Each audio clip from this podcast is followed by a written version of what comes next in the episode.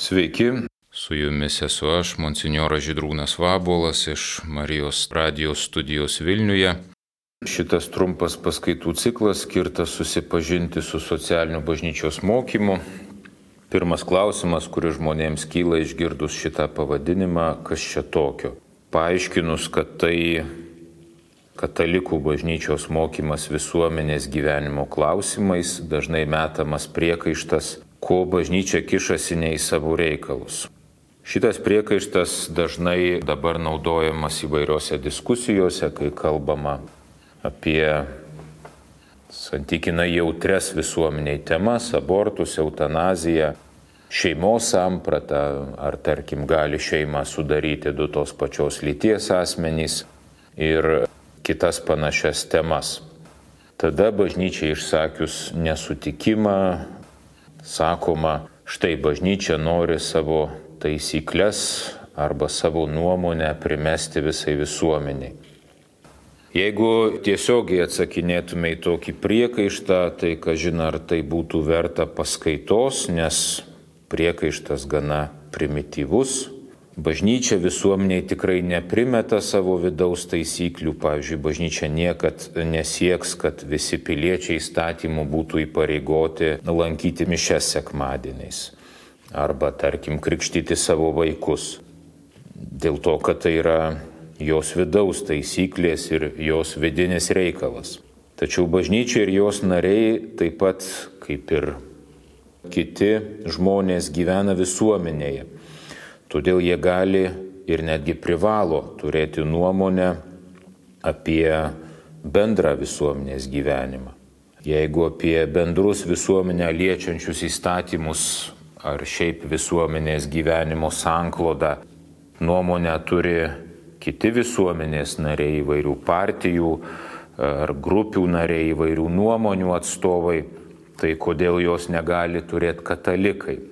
Čia panašiai kaip pavyzdžiui šeimoje, jeigu šeimos nariai susirinkę spręstų, kur važiuoti atostogauti ir vienam būtų pasakyta, štai tu šiuo klausimu savo nuomonės turėti negali, ką tu veiksi savo asmeniniu laisvu laiku tavo reikalas, bet kai važiuosim į atostogas visi, tai kur važiuosim ir ką veiksim, nuspręsim mes, bet ne tu. Aišku, kad tai būtų neteisinga. Tai panašiai ir apie bendrus visuomenės gyvenimo klausimus. Bažnyčia visiškai turi teisę turėti savo nuomonę, kaip ir bet koks kitas visuomenės narys ar grupė, susibūrusi bet kokio ar politinio, ar pažiūrų, ar kokiu kitokiu pagrindu. Jeigu visgi pažvelgtume giliau ir pabandytume moksliškiau atsakyti, kodėl bažnyčia turi savo socialinį mokymą, tai bažnyčia atsako į šį klausimą taip, kad pirmiausiai jinai žiūri į patį Dievą ir mato, kad Dievas rūpinasi visų žmogumi, ne tik jo siela. Na, tarkim, kertinis Senojo testamento įvykis prelato Rupšio, kuris yra Senojo testamento vertėjas į lietuvių kalbą žodžiais likiminis įvykis yra Izraelio tautos išvedimas iš Egipto. Aišku, šiais laikais mes tą įvykį pirmiausia aiškinam dvasiškai, kaip ženklą to, kad Dievas išgelbsti iš nuodėmės vergyjos, Tačiau jeigu pažiūrėtume į tą įvykį taip išoriškai, turėtume pripažinti, tai yra politinis įvykis. Dievas įsikiša į nuo meto politiką ir, reiškia, išvaduoja vieną tautą iš kitos tautos priespaudos. Tai reiškia, kad Dievas rūpinasi ne tik dvasiniu žmogaus gyvenimu, bet taip pat ir jo išoriniu žemišku gyvenimu. Ir ne tik išoriniu asmenišku gyvenimu, bet taip pat ir jo visuomeniniu, socialiniu gyvenimu, nes tai irgi yra žmogaus gyvenimo dalis. Pavyzdžiui, tik išvedęs savo tautą iš Egipto, jis prie Sinajaus kalno savo tautai duoda įsakymus, kurie irgi yra ne tik dvasiniai įsakymai, jie nustato ne tik santykius su Dievu, bet nustato taip pat ir santykius su kitais žmonėmis, tai yra visuomeninius santykius Izraelio tautos socialinę tvarką. Ir bažnyčia, žvelgdama į tai, sako, kad e, tuo ir mes turim sekti. Jeigu Dievas rūpinasi visų žmogumi arba kaip socialiniam bažnyčios mokyme naudojamas toks techninis terminas integraliu žmogumi, žvelgia į žmogų integraliai, tai tada ir bažnyčia, kuri tęsia Dievo misiją, jinai irgi turi rūpintis visų žmogumi. Aišku, jeigu pažiūrėtume į Kristų, tai jis atrodo kažkiek atsitraukia nuo tos Senojo testamento elgsenos ir, pavyzdžiui, kai iš jo tikisi politinio misianizmo, kai iš jo tikisi politinių, gal netgi karinių veiksmų, tai jis griežtai atsisako.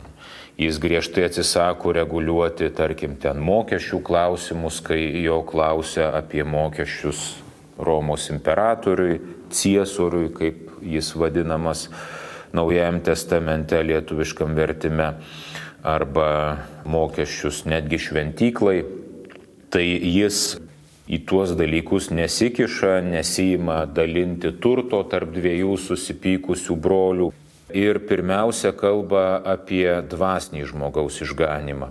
Tačiau nenusisuka taip pat ir nuo žmogaus žemiškų reikalų. Gydo ligonius, pamaitina minę, kai jinai yra išalkusi.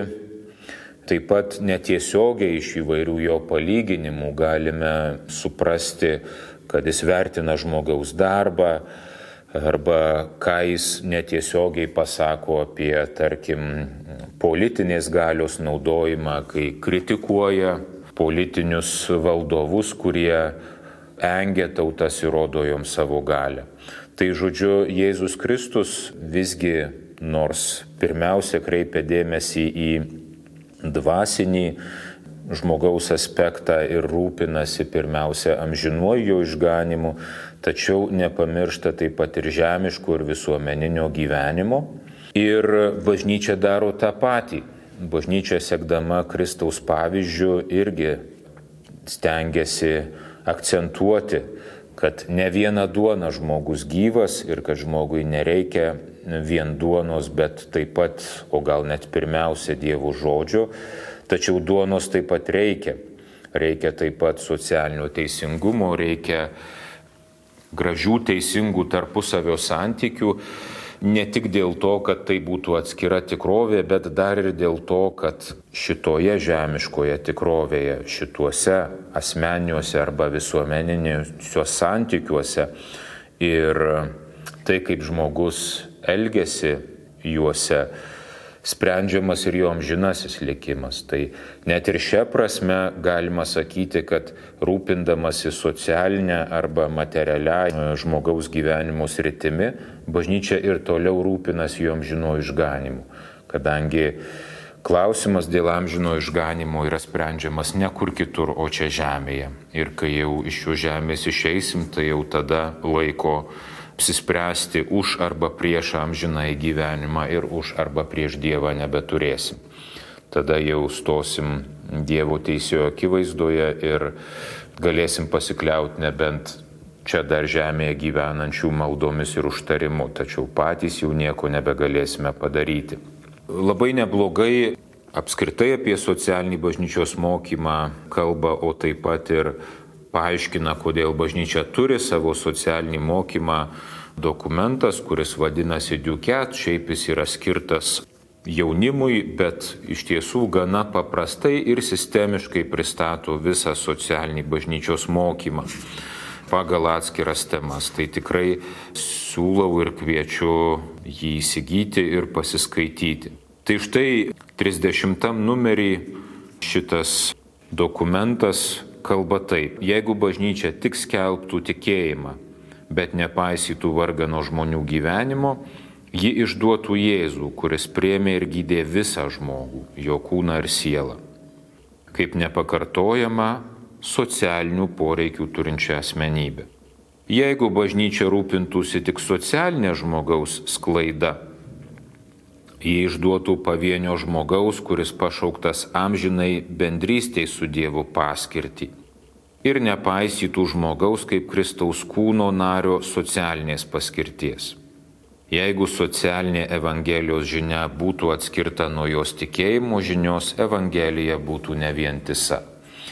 Tai e, čia dar kartą dokumentas apibendrina tai, ką aš jau prieš tai pasakiau, kad bažnyčia išgirdusi Kristaus paliepimą skelbti Evangeliją visam pasauliu ir vesti žmonės į išganimą, supranta, kad jie į tą išganimą turi vesti visą žmogų, ne tik jo pusę, ne tik jo sielą, bet ir jo kūną ir jo santykius, taip pat ir ne tik asmenius, bet ir socialinius.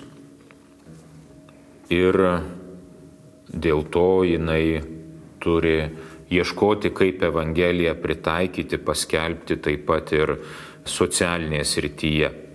Ir jeigu šito nedarytų, tai jinai iš tiesų nebūtų ištikima Jėzaus Kristaus paliepimui nešti Evangeliją iki žemės pakraščių.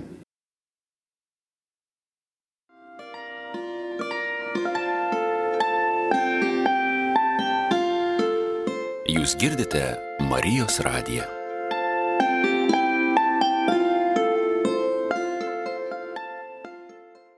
Jeigu kalbėtume apie tai, kam skirtas socialinis bažnyčios mokymas arba skirta socialinė bažnyčios doktrina, kartais ji ir taip vadinama, tai iš tiesų jinai skirta visiems žmonėms. Tas pats Duketas skelbia, kad socialinėme bažnyčios mokyme nėra nieko, kas nebūtų suprantama ir netikintiems žmonėms.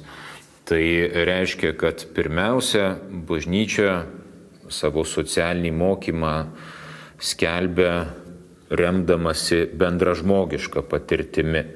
Ta patirtimi, kurią gali suprasti ir atpažinti kiekvienas žmogus. Žinoma, kad įkvėpimo šitam savo mokymui bažnyčia semėsi iš tikėjimo srities, iš Evangelijos ir švento rašto, tačiau ir Evangelijoje daug kas iš tiesų yra bendra žmogiška ir nebūtina būti krikščioniu arba pripažinti Dievo egzistavimą, reiškia būti religingu, tam, kad sutiktum su daugeliu e, šventame rašte užfiksuotų tiesų. Jeigu kalbėtume materialia prasme, tai socialinis bažnyčios mokymas dažniausiai yra skelbiamas popiežių Ir e, tas pats Duketas pateikia visą enciklikų, tai yra tam tikrų popiežiškų dokumentų sąrašą, kurios šito Duketo išleidimo metu sudarė socialinį bažnyčios mokymą. Nuo to laiko tas sąrašas pasipildė dar viena popiežiaus, paskutinė popiežiaus pranciškaus enciklika Fratelli Tutti o socialinio bažnyčios mokymo oficialia pradžia laikomi 1891 metai, kada popiežius Leonas XIII išleido encikliką Rerum Novarum. Vėliau buvo dar keletas enciklikų, taip pat du Vatikano antrojo susirinkimo dokumentai, ypač pastoracinė konstitucija Gaudium et Spes ir tikėjimo laisvės deklaracija Dignitatis Humane vientiso socialinio mokymo dokumentų savado lietuviškai nėra išleista, bet iš tiesų daugelis šitų dokumentų yra vienai par kitaip, vienu ar kitu metu lietuviškai išversti, ypač žinoma antrojo Vatikano susirinkimo dokumentai, bet taip pat ir daugelis popiežių enciklikų, taigi jas galima susirasti ar internete, ar katalikiškuose knygynuose. Dabar koks yra socialinio bažnyčios mokymo tikslas arba uždaviniai? Tai Duketas pabrėžia, kad socialinio mokymo uždaviniai yra du. Vienas dalykas yra pabrėžti priedermę veikti socialiai ir teisingai, kurią pabrėžia taip pat ir Evangelija. Ir antras dalykas teisingumo vardan protestuoti, kai socialinėje srityje sutinkamas neteisingumas, kuris pažeidžia žmogaus orumą ir žmogaus teisės. Tai čia labai svarbu šitie du aspektai. Nereikia suprasti socialinio bažnyčios mokymo tik tai kaip esamų socialinių problemų kritikos, kartais skaitant socialinio bažnyčios mokymo dokumentus paviršutiniškai arba, pavyzdžiui, paskaitant tik dalį jų, gali susidaryti įspūdis, kad bažnyčia pati tarsi nieko reikšmingo socialinėje srityje nedarydama, tik sėdi ir iš šono kritikuoja kitų veiklą, kai jį jiems nepasiseka. Tai štai socialinis bažnyčios mokymas nėra tik tai moralė, kuri sako, kur yra nuodėmė ir kur yra nuodėmė ir kas dabar nusidėjo, bet jinai kviečia ir veikimui. Veikimui, kuris dažnai nepaprastas ir tie sprendimai, konkretūs sprendimai konkrečioj socialinėje aplinkoje tikrai dažnai būna nepaprasti. Ir ten klausimas yra ne tik kaip teisingai pasielgti, kad nepadaryčiau nuodėmės, kad įvykdyčiau teisingumo reikalavimus, bet ir ką galiu padaryti, kad šita situacija kažkiek taptų teisingesnė, kad apskritai sistema taptų teisingesnė. Ir gal to neįmanoma padaryti iš karto arba vienu įpu. Bet štai čia yra socialinio bažnyčios mokymo vienas iš uždavinių, ne stengtis keisti socialinę tikrovę ir iš savo pusės bažnyčia duoda indėlį tos socialinės tikrovės keitimui.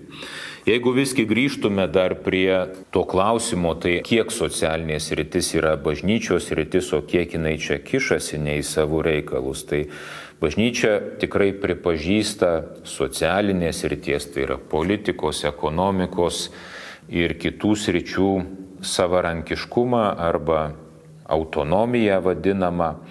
Ir nuolat pabrėžia, kad mokydama socialinėje srityje jinai nesiūlo techninių sprendimų.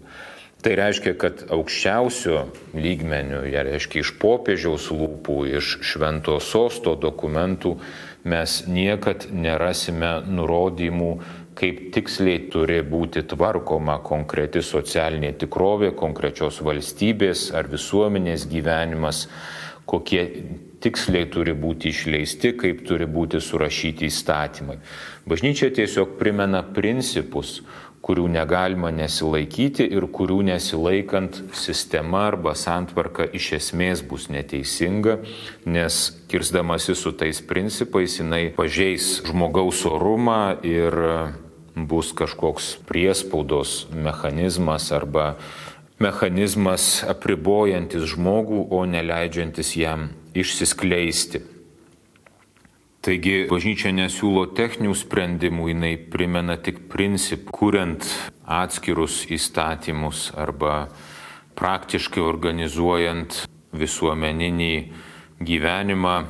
Tų principų turi būti paisoma, nes priešingų atveju tiesiog visa sistema bus iš esmės bloga ir netlieps žmogaus poreikiams, bet kaip tik žmogų apribos ir sugniuždys, o ne padės jam išsiskleisti.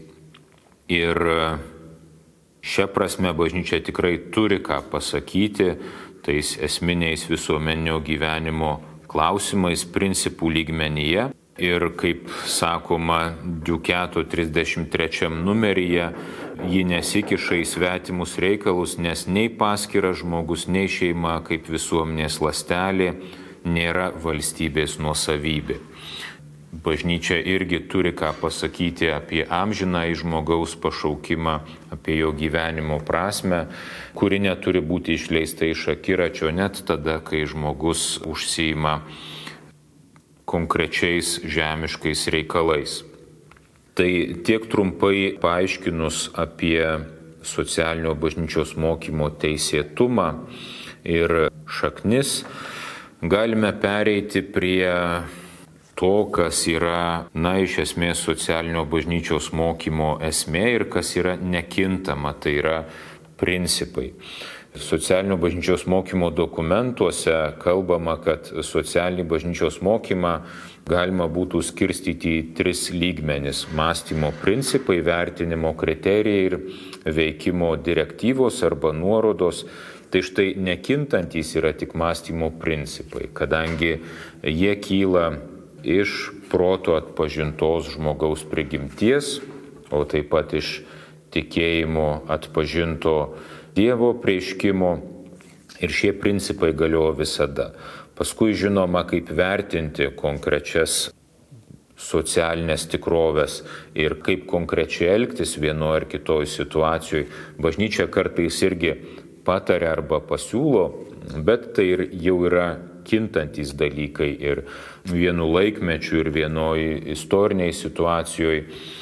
Bažnyčia gali siūlyti vienus sprendimus ir kitoje situacijoje kartais gali siūlyti ne tai, kad visiškai priešingus, bet atrodo, na, labai skirtingus arba kitokius, kadangi tai priklauso ir nuo besikeičiančios situacijos. Jeigu kalbėtume apie socialinio bažnyčios mokymo principus, nėra nusistovėjęs vienodas arba visų priimtas tų principų sąrašas, tačiau pripažįstama ir sutinkama, kad Pagrindinis socialinio bažnyčios mokymo principas yra vadinamas žmogaus asmens principas. Gaudium et spes konstitucijoje, tai yra antrojo Vatikano susirinkimo konstitucijoje, sakoma, kad e, tikintieji ir netikintieji beveik vieningai sutarė, kad viskas žemėje turi būti siejama su žmogumi kaip savo centru ir viršūnė.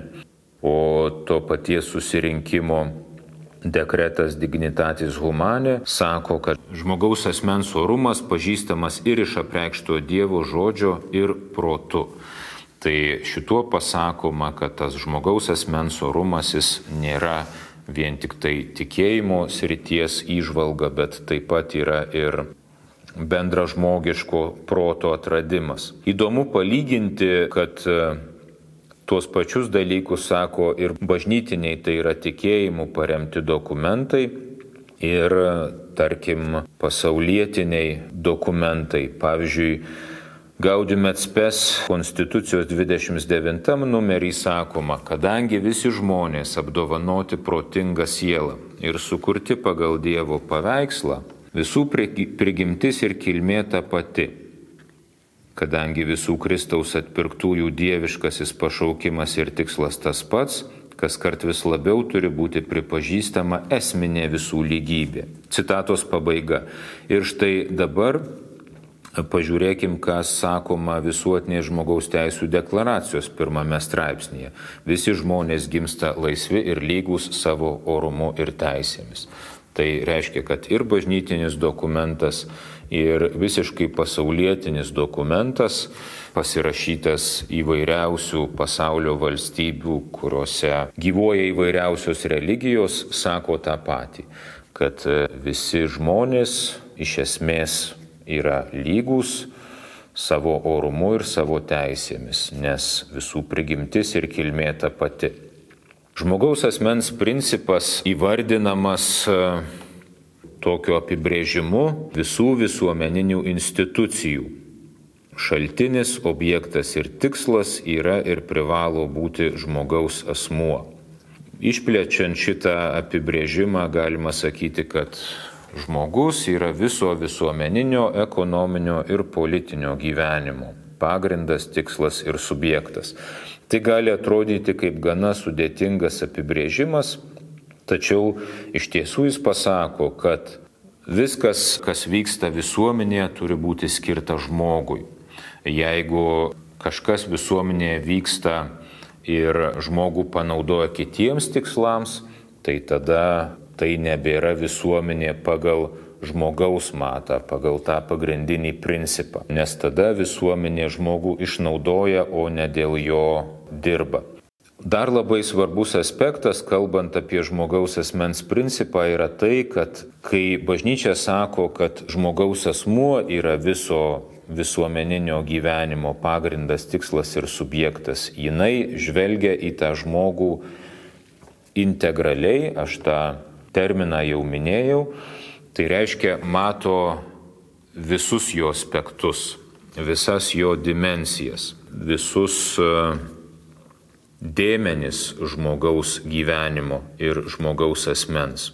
Ir nei vieno iš jų nenuvertina. Kokie tie žmogaus dėmenys? Ne, tai bažnyčia pabrėžia, kad pirmas dėmuo žmogaus yra personalinis. Iškia, kad žmogus pats yra vertingas iš prigimties, dėl to, kad jis yra žmogus, dėl savęs paties. Vėl norėčiau pacituoti Gaudium Etspes 12 numerį. Šventasis raštas moko, jog žmogus yra sukurtas pagal Dievo paveikslą, įstengiantis pažinti ir mylėti savo kurėją, jo paskirtas būti nelyginant visų žemės kūrinių viešpačių, juos valdyti ir jais naudotis Dievo garbiai. Tai čia žinoma pateikiama religinė motivacija, bet jinai pabrėžia, kad žmogus yra visos kūrinijos viršūnė, kad jis yra vertingiausias šiame pasaulyje. Tačiau bažnyčia taip pat nepamiršta ir kito socialinio žmogaus dėmens. Žmogus nėra tik individas, kuris štai vertingas pats savaime ir yra tarsi pasaulio centras. Bet jis yra socialus, tai yra santykėje. Santykėje pirmiausia su kitu žmogumi. Ir su kitu žmogumi, kuris taip pat yra vertingas savyje. Ir tik šitame santykėje, ypač santykėje su kitais žmonėmis, žmogus save išpildo. Vėl cituoju Gaudium et spes Konstitucijos 12 numerį, žmogus giliausia savo prigimtimi yra visuomeninė būtybė. Todėl be santykių su kitais negali nei gyventi, nei išplėtoti savo gebėjimų.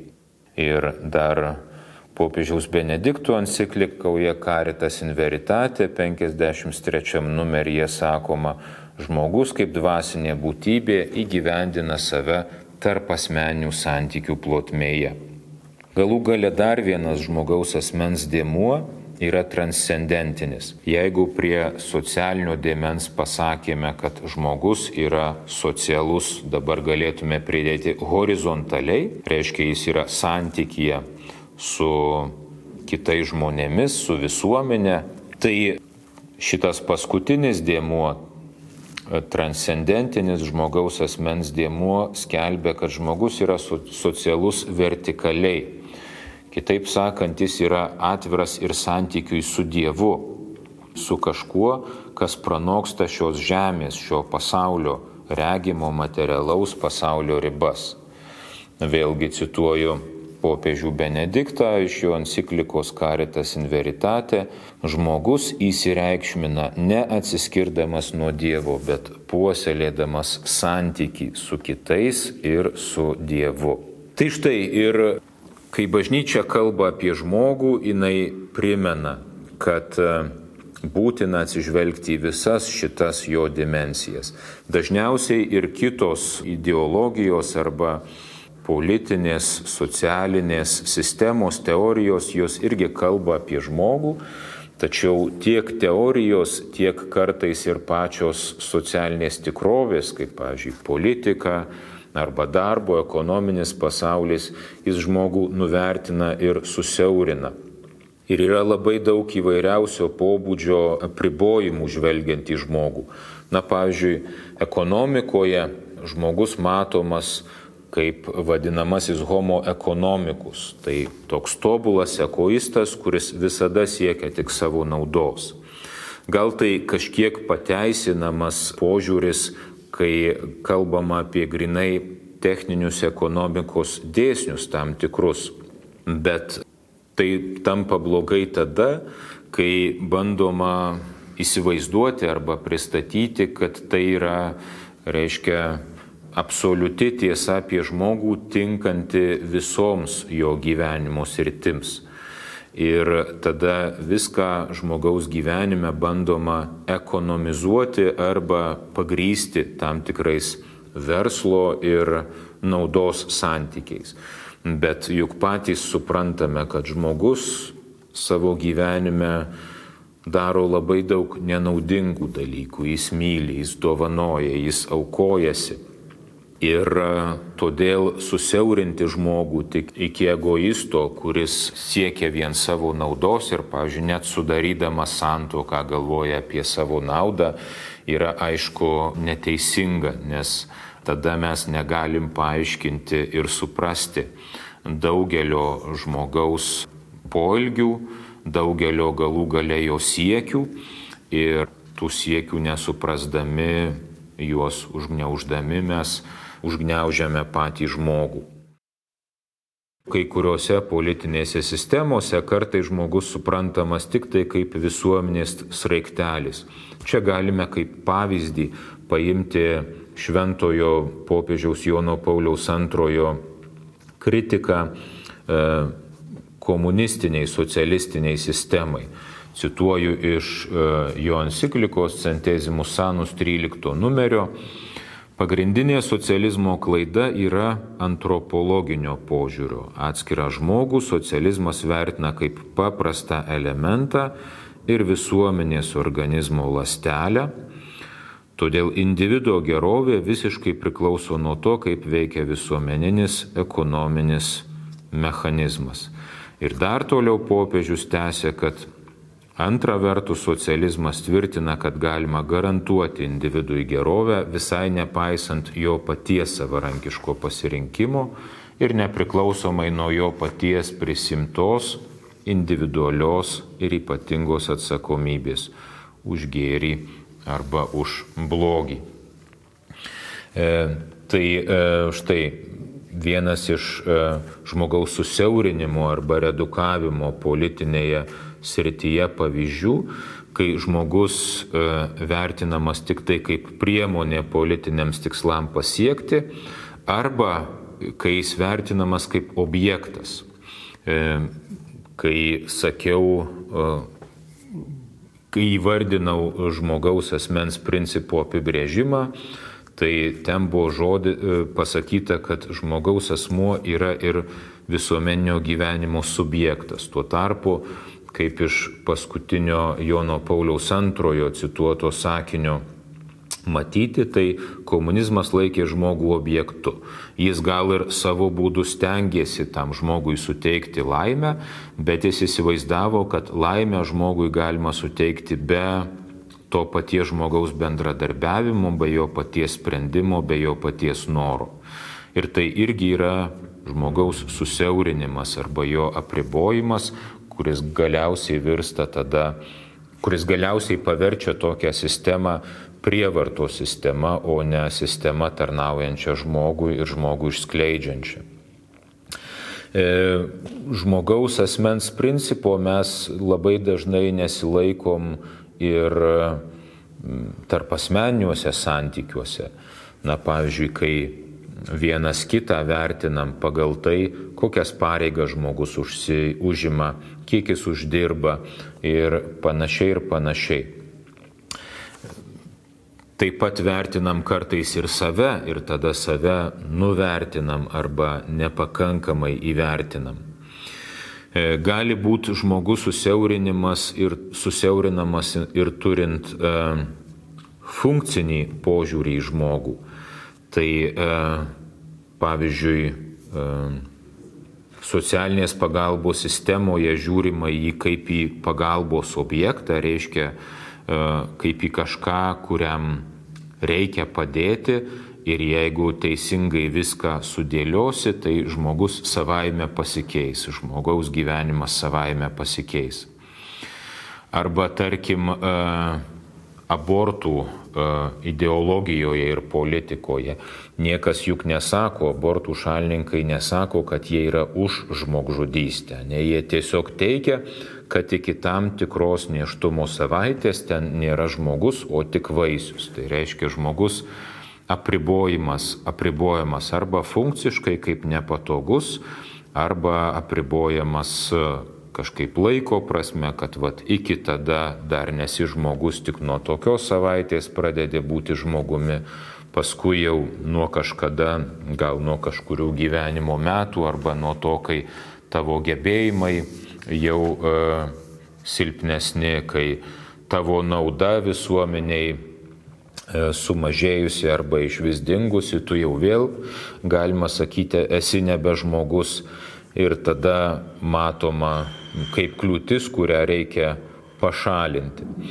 Tai e, štai visi šitie pavyzdžiai parodo, kad e, kai bažnyčia kalba apie integralų, tai yra visuminį požiūrį į žmogų, tai jinai kalba, kad e, pirmiausia, žmogus turi būti suprastas visoje savo tikrovėje ne, ir pripažintas kaip žmogus nepriklausomai nuo to, kiek jis yra naudingas, kiek jis uždirba, ar jis supranta savo teisės ar nesupranta, e, kiek tas teisės gali apginti, nes tarkim kūdikis motinos iššiose savo teisų dar negali apginti arba jų negali apginti, nes net nesuvokia įvairią negalę turintys žmonės, bet jie vis tiek yra žmonės, kurie e, turi būti gerbiami ir saugomi.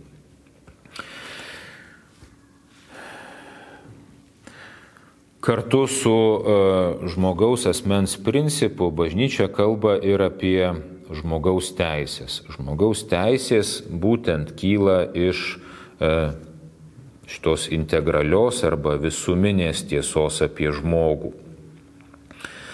E, cituoju popiežių Šventą Joną 23 iš jo enciklikos pačiam interis.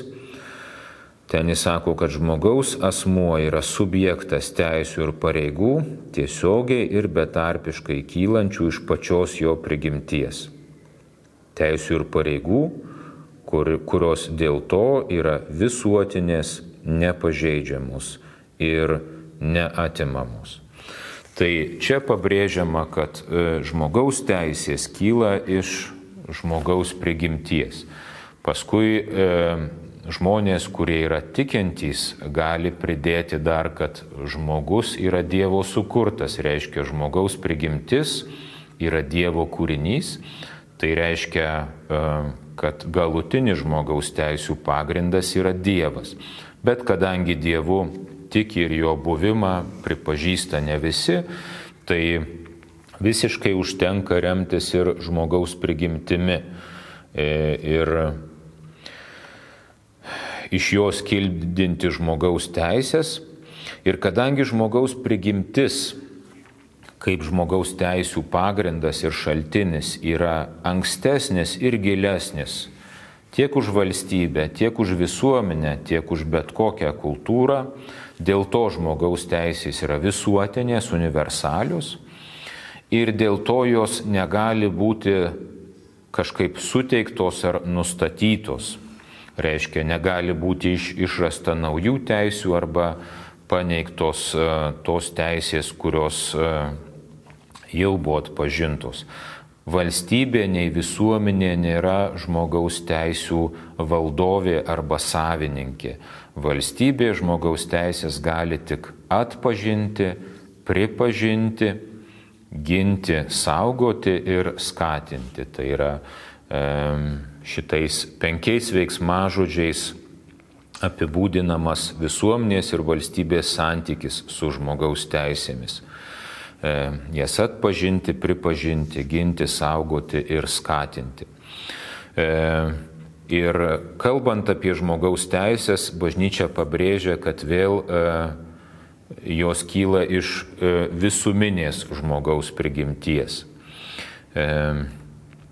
Tai yra, turint galvoje visuos, visus tuos tris dėmenis, kuriuos mes e, prieš tai paminėjome - asmeninį arba personalinį, tada socialinį ir tada transcendentinį. Ir e, tas e, po, visuminis požiūris į žmogaus prigimtį ir visos tiesos apie jį pripažinimas neleidžia žmogaus teisų iškreipti arba kažkaip jas e, pažeisti ir taip pat neleidžia sugalvoti ir naujų teisių, kurios neturi pagrindo um, žmogaus prigimtyje arba kurias galima išgalvoti tik tai iškreiptai matant pačią žmogaus prigimtį. Nu, kaip minėta, pavyzdžiui, sakyti, kad e, žmogus yra tik tai nuo tam tikros neštumo savaitės, reiškia, iki tol jis neturi teisės į gyvybę. Tai žinoma, jeigu mes iškreipiam žmogaus prigimtį ir, ir e, kažkaip tai e, traktuojam e, vertinam ją taip, kaip mums patogu, o ne atvirai pripažįstam, kokia yra, ji yra iš tiesų, tai tada, tada išsikreipia ir žmogaus teisės. Katechezė apie socialinį bažnyčios mokymą sakė monsinjoras teologijos licencijatas Židrūnas Fabulas. Tai buvo pirmoji dalis. Antrosios dalies kviečiame klausyti rytoj 9 val. ryte arba 22.15 vakare katechezės laidoje.